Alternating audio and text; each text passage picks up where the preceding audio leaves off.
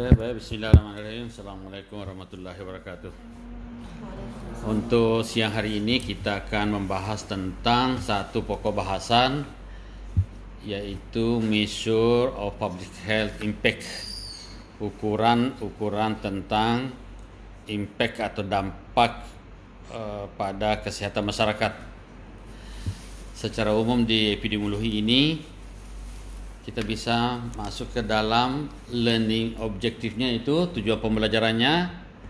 Yang pertama menghitung dan memberikan interpretasi terhadap dampak dari sebuah tindakan kesmas ya. Apa saja indikator ukuran yang biasa dipakai? Yang pertama kita biasa menggunakan apa yang disebut dengan attributable risk kemudian attributable risk percent. Kemudian population attributable risk. Population attributable risk percent. Jadi ada angka kumulatifnya ada uh, relatifnya. Kalau dia bersifat persen itu berarti dia uh, relatif angka relatif Objektif yang kedua meliputi apa perbedaan antara attributable risk dengan relative risk. Nah, jadi ini biasa membuat rancu di dalam membaca artikel ya supaya lebih terarah nanti. Attributable risk itu membahas tentang apa, relative risk itu tentang apa. Objektif yang ketiga perbedaan antara high risk dan population base ya pendekatan population base untuk pencegahan penyakit. Ya sepertinya ini tiga saja ini sudah cukup berat ini. Ya mudah-mudahan kita bisa mengcovernya. Nah ini ukurannya. Yang pertama apa yang disebut dengan attributable risk atau AR ya ini merupakan angka kemudian ada persen jadi empat poin yang pertama tadi untuk pokok bahasa yang pertama. AR persen par dan par persen ya. nanti harapannya pada studi studi yang dilakukan kalau memungkinkan kita menghitung angka-angka seperti itu lebih bagus ya. Jadi bukan hanya angka persennya saja tetapi berapa parnya, berapa attributable risknya, sehingga nuansa desain studi epidemiologinya itu bergerak, bergerak jadi kita bisa menghitung berapa attributable risk untuk sebuah intervensi, berapa population attributable risknya. Itu nanti kita bisa lihat persentasenya. Adalah hal yang penting bahwa yang kita ukur ini adalah sebuah kausa dan efek ya. Jadi sebuah intervensi terhadap efeknya ya. They all assume require that a cause effect relationship exists between the exposure and outcome. Poin penting dalam studi epidemiologi adalah selalu kalau Anda memberikan exposure sekian berapa apa dampaknya ya. Jadi setiap kategori memberikan dampak yang berbeda. Contoh, ada orang yang merokok dua batang, tiga batang sampai dua bungkus, itu berbeda derajat paparannya berbeda derajat outputnya. Nah ini yang dimaksud sini. Nah di dalam studi epidemiologi diharapkan paparan itu terukur. Maksudnya kalau dia merokok berdasarkan intensitasnya ada dua bungkus, tiga bungkus, empat bungkus, berapa risikonya masing-masing itu? Tidak langsung dibagi, dibagi dua. Misalnya merokok tidak merokok. Kalau itu langsung dilakukan itu kita kehilangan banyak informasi. Jadi supaya tidak kehilangan informasi maka eksistensi paparan itu mestinya juga berjenjang Ya, jadi itu yang disebut nanti pada analisa strata selanjutnya. Apa yang dimaksud dengan relative risk? Ya. Relative risk itu adalah ukuran yang melihat kekuatan sebuah asosiasi. Nah, jadi relative risk berapa relative risknya? Berarti berapa kekuatan asosiasi ini? Ya. Indikator ini digunakan untuk menilai kemungkinan atau peluang hubungan kausal. Jadi Berapa relatif risk seorang perokok untuk menderita siap paruh? Berapa kekuatannya pengaruh rokok terhadap kejadian siap paruh? Itu relatif risk. Kalau attributable adalah ukuran potensi pencegahan terhadap suatu penyakit. Nah, jadi sudah berbeda nih. Kalau attributable risk, berapa potensi pencegahan terhadap penyakit itu kalau faktor risiko itu dihilangkan. Nah, jadi bekerja sebaliknya kalau dia relatif risk, besarnya risiko relatif untuk menderita penyakit. Kalau dia attributable, besarnya peluang untuk terhindar atau terproteksi dari penyakit kalau faktor risiko itu dihilangkan. Ya.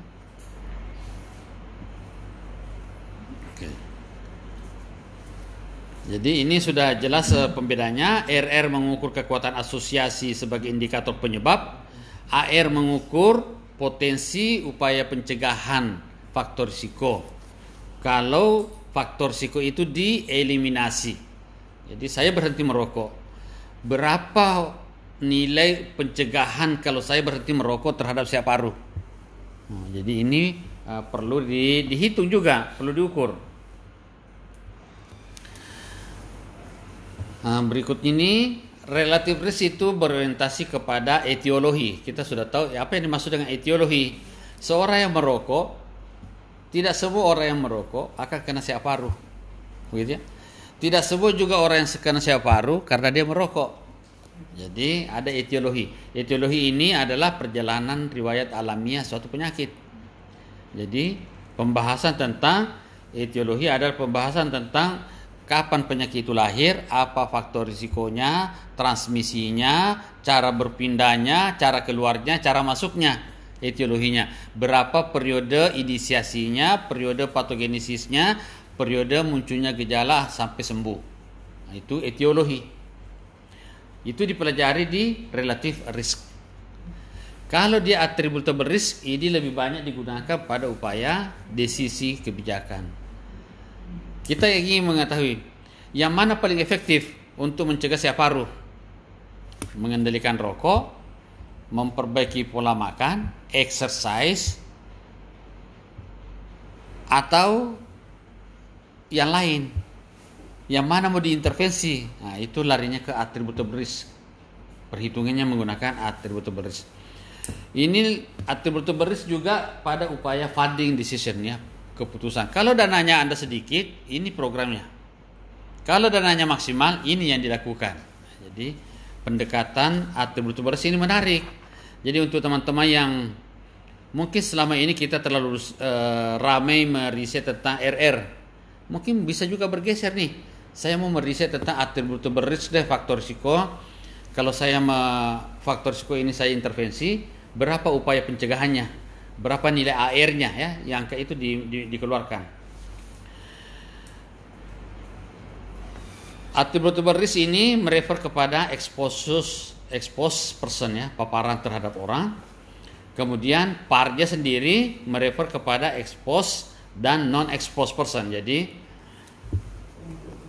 kalau ada populasinya berarti ada yang tidak terekspos juga. Kalau yang attributable-nya hanya yang terekspos saja atau terpapar ya, yang terpapar.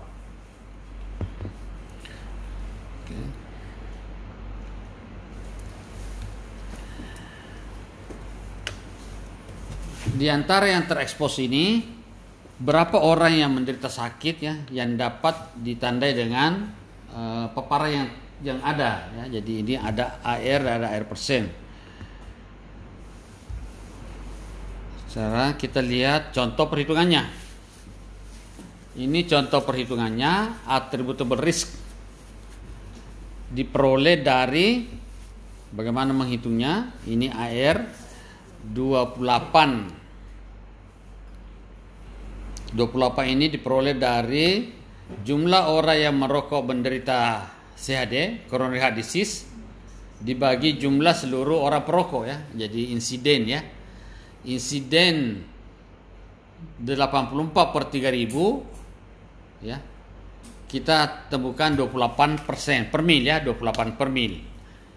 Ini diperoleh dari merokok dan mengalami CHD jadi insiden CHD nya berapa insiden untuk yang tidak terpapar?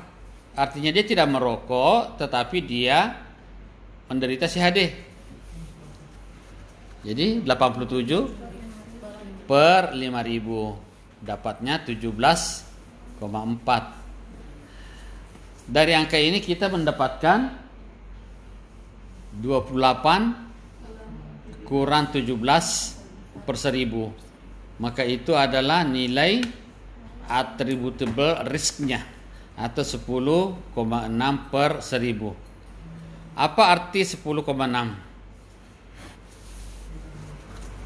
arti 10,6 per 1000 ini di antara perokok di antara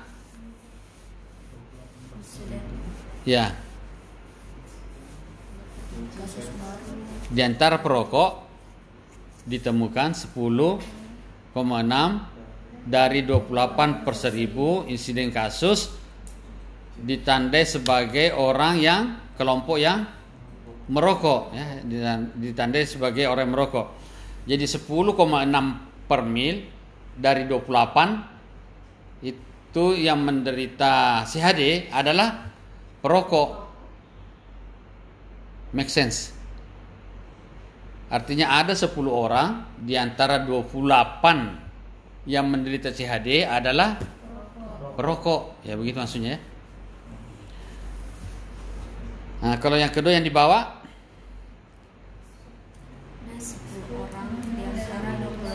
hmm. dapat dengan menghilangkan ah, oke okay. jadi di antara perokok ini ada 10,6 ada 10 di antara 6 dari 28 per mil kejadian CHD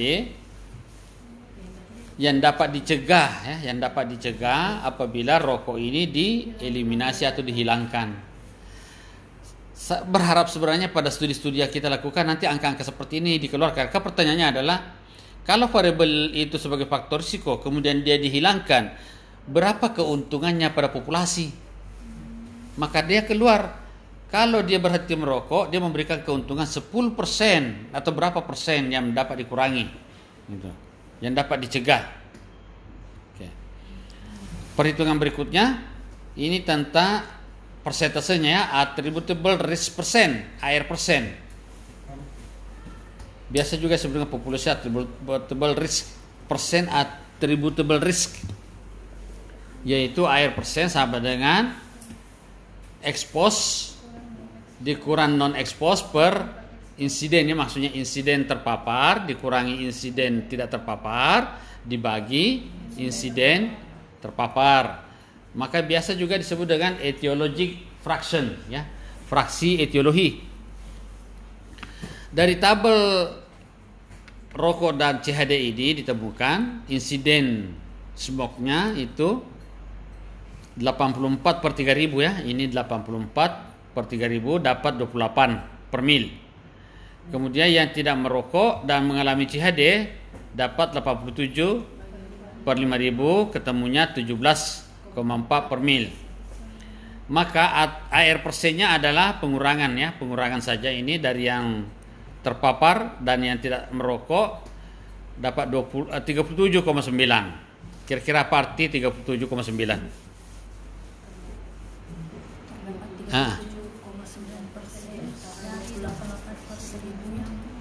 Ya. Oke, ini penjelasannya. Coba.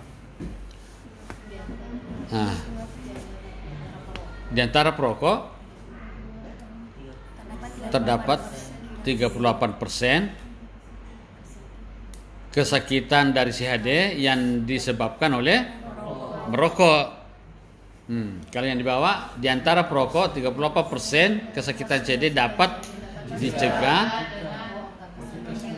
dengan mengeliminasi atau menghilangkan rokok. Okay. Coba didiskusikan nih. Jika 38% kesakitan dari CHD ini disebabkan oleh merokok, it seems we, as if we found many factors usually related to CHD.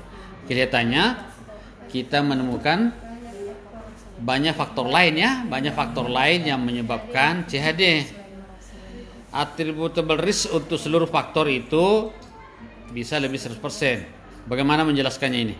Khusus untuk rokok ini kontribusinya 38%. Berarti ada 62% oleh faktor lain. Kira-kira faktor apa nih? CHD. Hypertension, obesity, physical activity. Ya, coronary heart jantung koroner, jantung, jantung. jantung, Pola makan, aktivitas fisik, diet eh, dietary intake ini, dietary pola makan ini ya. Pola makan, physical activity, manajemen stres, apalagi obesity, alcohol consumption. Oke. sudah Oke. minyak. Nah, sekarang terkait dengan itu, oke, ini di dalam kategori penyebab ya, dalam kategori penyebab itu kita mengenal apa yang disebut dengan sufficient kausa, kemudian ada istilah yang lain itu ada necessary. Sufficient itu maksudnya adalah eh, penyakit eh, penyebab yang melengkapi ya, penyebab. Karena ada necessary. Necessary untuk penyakit menular itu mutlak. Maksudnya tidak akan menderita seorang corona, corona atau COVID kalau tidak ada virus coronanya. Nah, wajib, necessary. Itu necessary. Sufficient yang melengkapi atau yang mencukupi ini. Nah, kebetulan pembahasannya larinya ke non communicable disease NCD. Nah, di NCD ini akumulasi faktor risiko berdampak terhadap eh, penyakit ini. Karena itu kita mau melihat faktor U AB ini ya, faktor U. Faktor U ini ada pada setiap keadaan. AB, AE, BA. Nah, faktor yang selalu ada untuk terjadi suatu penyakit kalau di menular itu namanya necessary. Ya. Nah, yang mana di sini kalau di uh, if we can prevent any of the factor. Faktor mana yang paling esensial di sini posisinya? U. Ya. Maksudnya variabel U di sini dia variabel U. Oke, variabel U ini dia ada separuh HP pada setiap keadaan. Ya. Nah ini yang dicari. Setiap peneliti mencari apa variabel faktor yang paling esensial dalam risetnya. Jadi mungkin anda sekarang juga mencoba berpikir mengembangkan riset-riset apa di mana variabel itu selalu ada. Karena kita selalu diarahkan kalau kita mau melakukan intervensi, apa intervensi yang memiliki daya ungkit untuk menurunkan preferensi penyakit tersebut. Karena keterbatasan sumber daya, keterbatasan budgeting, waktu membuat orang harus membuat prioritas. Kalau kita membuat prioritas, poinnya adalah bagaimana upaya terbatas menggunakan potensi resources tepat guna, berdaya ungkit tinggi. Nah, kalau kita mau mengintervensi di sini, maka intervensi terbaik adalah pada faktor U. Dengan mengintervensi faktor U, maka 100% reduksi in disease occurrence. Kalau tidak ada faktor U, tidak akan terjadi penyakit. Sekarang corona. Tidak akan terjadi corona di Indonesia kalau apa yang diintervensi. ABS. Itu sudah intervensi ini. Akses entry-nya. Semua akses kasus yang dari Wuhan jangan masuk. Semua entry point dikunci. Kita bisa mengurangi 80% kalau dia faktor A, dia ada di dua kondisi. Faktor B ada di dua kondisi, faktor E di salah satu dua kondisi juga ya. Jadi ini. Oke. Diskusi berikutnya If we can prevent any of the factors U 100% reduction in disease occurrence A 80% B 70% Ini menjadi 300% Logis gak sih? Tidak Because multifactorial etiology and multiple sufficient causes mechanism, the sum of the individual attributable risk for each causal factor can exceed 100%. Kalau di jumlah-jumlah begini memang kelihatannya menjadi se- 300 gitu. Tapi kan di konsep epidemiologi itu kejadian kalau satu, kalau nol tidak kejadian. Kalau 100 terjadi, kalau nol tidak terjadi. Gitu ya. Nah, sekarang bagaimana membangun sistem modeling sehingga nol dan satu itu yang terjadi. Maksudnya dia nol tidak sakit, kalau dia satu dia sakit. Artinya tidak lebih dari 100, eh, 300, tidak lebih 100. Nah, kita mengenal berikutnya population attributable risk atau PAR ya. PAR ini menjelaskan tentang how much of the disease that occurs can be attributed to certain exposure. This of interest to policymakers and those responsible for funding prevention programs. Population attributable risk singkat PAR ya coba kita perhatikan. Contoh kita ingin membuat estimasi berapa banyak beban diabetes di antara orang yang tinggal di Tampah karena dia menderita obesitas. jadi kalau dia obes berapa bebannya terhadap diabetik ya? Karena dia obes peluangnya untuk kena DM berapa besar gitu ya, berapa besar.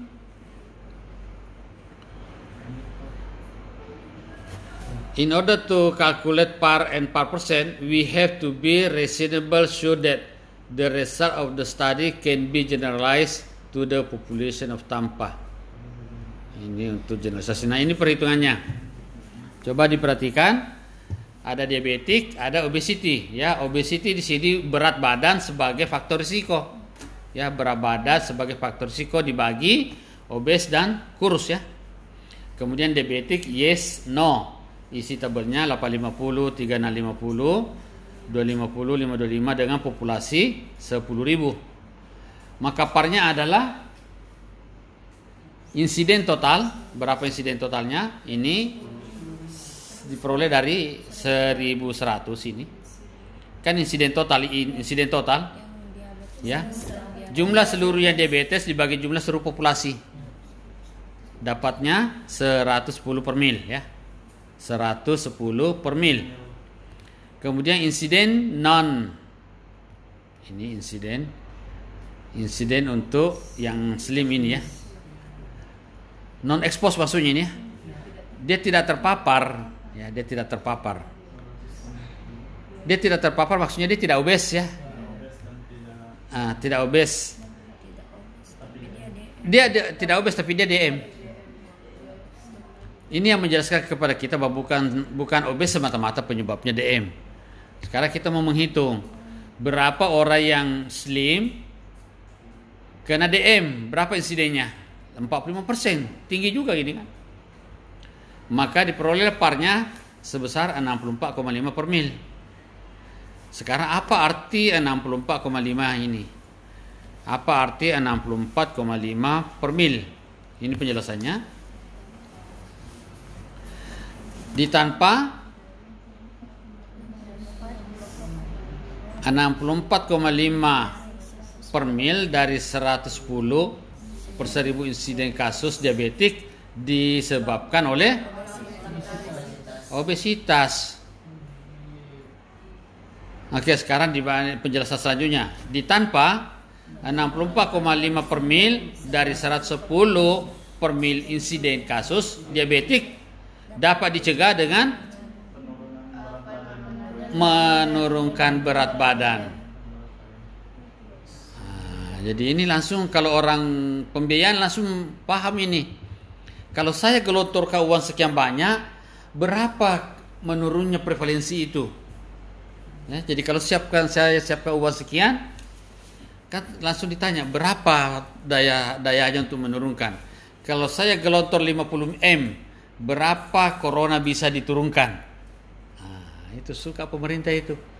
Karena itu orang epidemiologi harus mampu membahasakan seperti itu, menggunakan bahasa population attributable parnya, ya.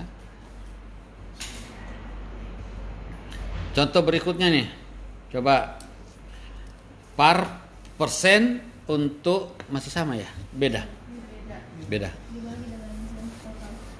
Ah, ini dia bagi total. Kalau yang sebelumnya tadi tidak ya. Oh ini par umum ini, ini par persen. Ini persen. Coba kalau par persen apa penjelasannya? Di par persen ini kita menemukan sama rumusnya yang sebelumnya ya.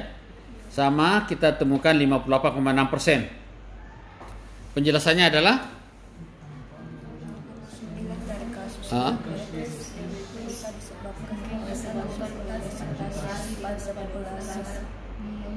hmm, 59 persen dari kasus diabetik dapat dicegah di tanpa dengan menurunkan berat badan.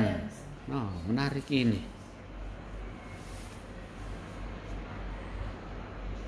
Catatan. Keduanya attributable dan populasi attributable risk should be causally interpreted. Jadi maksudnya harus eh, diper- diper- interpretasi secara keseluruhan ya. In some exposure person, other causal factor may have been entirely responsible ya. Jadi eh, masuk dalam perhitungan seluruh populasi. Ini dalam case control ya. Kita lanjut saja dulu. Eh, ini perhitungan berikutnya tentang AR pada studi kasus kontrol ya. Kita mengambil tadi attributable risk ya. Attributable risk kalau dia desainnya case control, ini formulanya untuk mendapatkan airnya. Dapat OR-nya 2,96. Apa artinya dulu OR 2,96 adalah angka seperti ini? Orang yang merokok? Iya. Hmm. Coba dulu, coba dulu. ah. Apa arti 2,96 dulu nih? Eri, Eri, Eri. Mana Eri? Eh, orang yang merokok Hmm.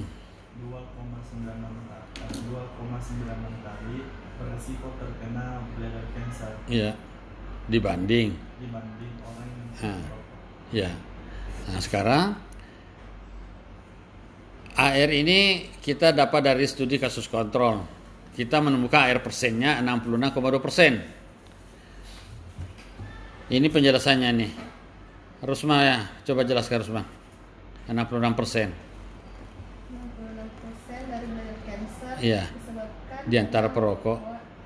Dia di antara perokok Iya. dapat disebabkan karena eh, Mereka. mereka. ya.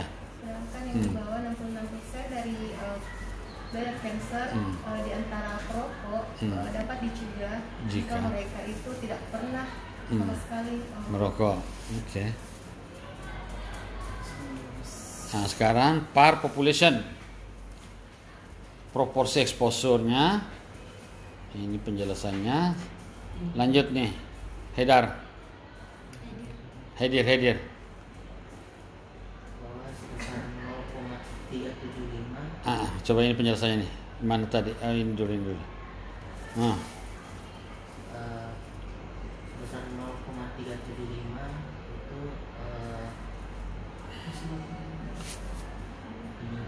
eh, ini belum belum sampai ke perhitungannya itu per persen dulu. Ini ini, ini penjelasannya ini hasilnya nih. Hasil perhitungan dari tabel tadi. 42% dapat.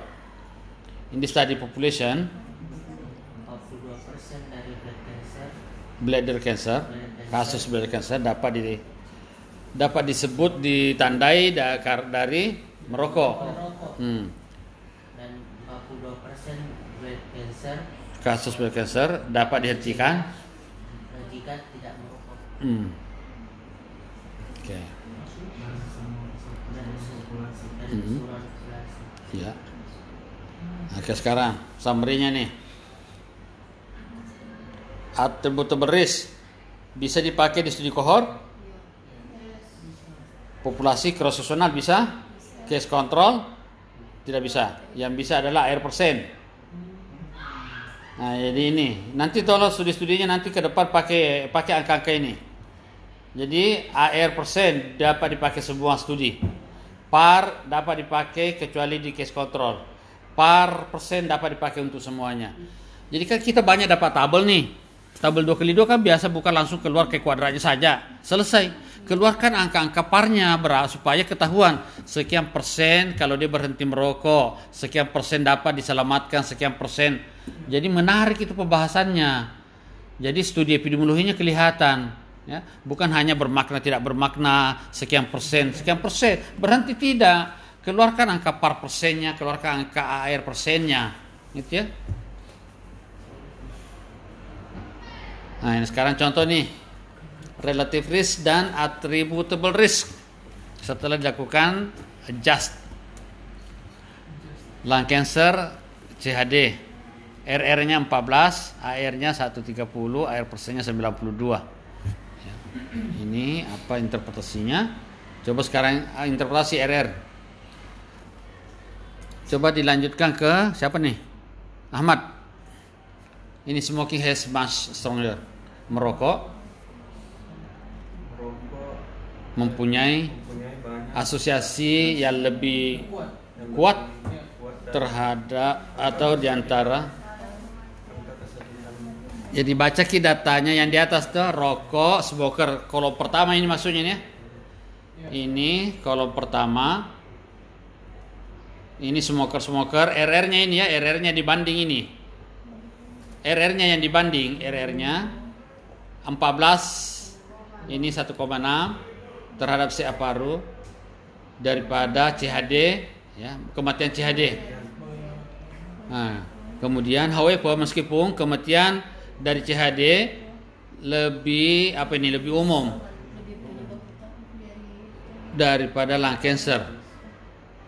CHD hence higher risk.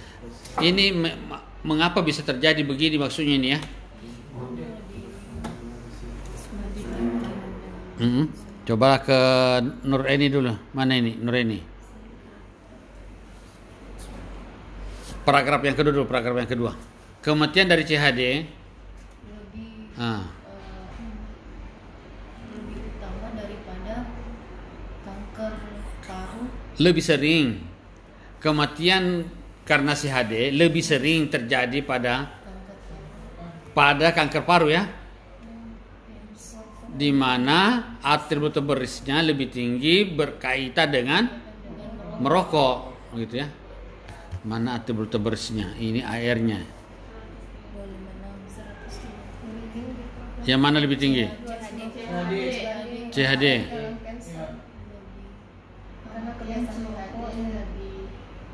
Hmm. dia AM nya 256 AR-nya. dibanding ya dibanding dengan tapi smoker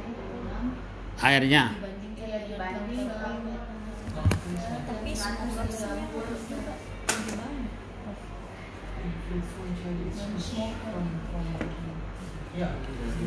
Jadi pertanyaannya ini merokok lebih menyerang kanker paru atau CHD? karena semua pesan 629 Jadi jumlah perokoknya memang besar ini. RR-nya tadi kalau kita bicara RR ini kan risikonya attributable attributable risk dengan air persen. Ini penjelasannya ada di bawah ini. Coba. Kematian dari CHD lebih banyak daripada kanker paru. Mana kematiannya CHD?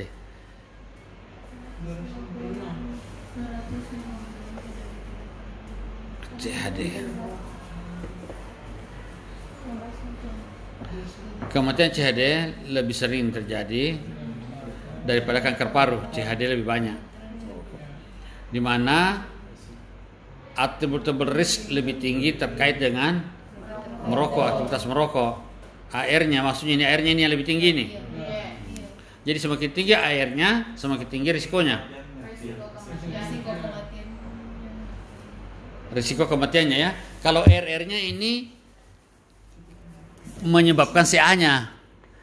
Ini RR kan ke larinya ke etiologi tadi ya. Jadi RR RR ini diperoleh dari jumlah orang yang merokok. Coba apa rumusnya RR? Risiko relatif ini RR per jumlah yang tidak merokok Jadi dia merokok dia karena CA dibagi tidak merokok karena CA gitu maksudnya. Jadi formulanya ya. Oke, coba penjelasan. Apa isunya terkait dengan upaya pencegah kebijakan pencegahan? An important question in prevention is whether the approach should target specific group known to be at high risk or extend to general population as a whole. Siapa targetnya ini untuk upaya pencegahannya? Kepada perokok itu ya? This depend largely on the nature of the exposure, relationship and distribution of exposure in the population. Oke. Ini contoh berikutnya terkait dengan uh, tekanan darah ya, systolic systolic blood pressure. Yang mana dianggap normal sampai batas normal di sini 120 120 per 8 Ini sistol sebelah kanan bawah semua ini. Sistol semua ini. 110 sampai 119. 120 129. The majority of the population has systolic blood pressure value in the normal range less than 140. Jadi kalau ini menggambarkan bahwa populasi kita ini sebagian besar sistolnya normal ya. Karena nanti dia hipertensi kalau di atas ini ya. iya 140-an kan? Kan Atau mid. kan ada Iya. Jadi kalau sudah lewat dari 120 itu dia udah dikatakan grade pertama. Oke. Oh batasnya sampai sini ya 120 129. Oke. Ini RR untuk CHD systolic blood pressure ini. Mau melihat hubungan antara risiko coronary heart disease dengan tekanan sistolik. Semakin tinggi tekanan sistolik, risiko CHD-nya semakin tinggi.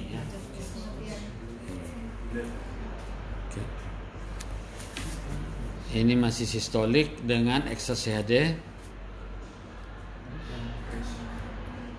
Isu pencegahannya. Coba isu pencegahannya. Januar, Jan- junior, junior. In the previous example, both of high risk mana junior nih?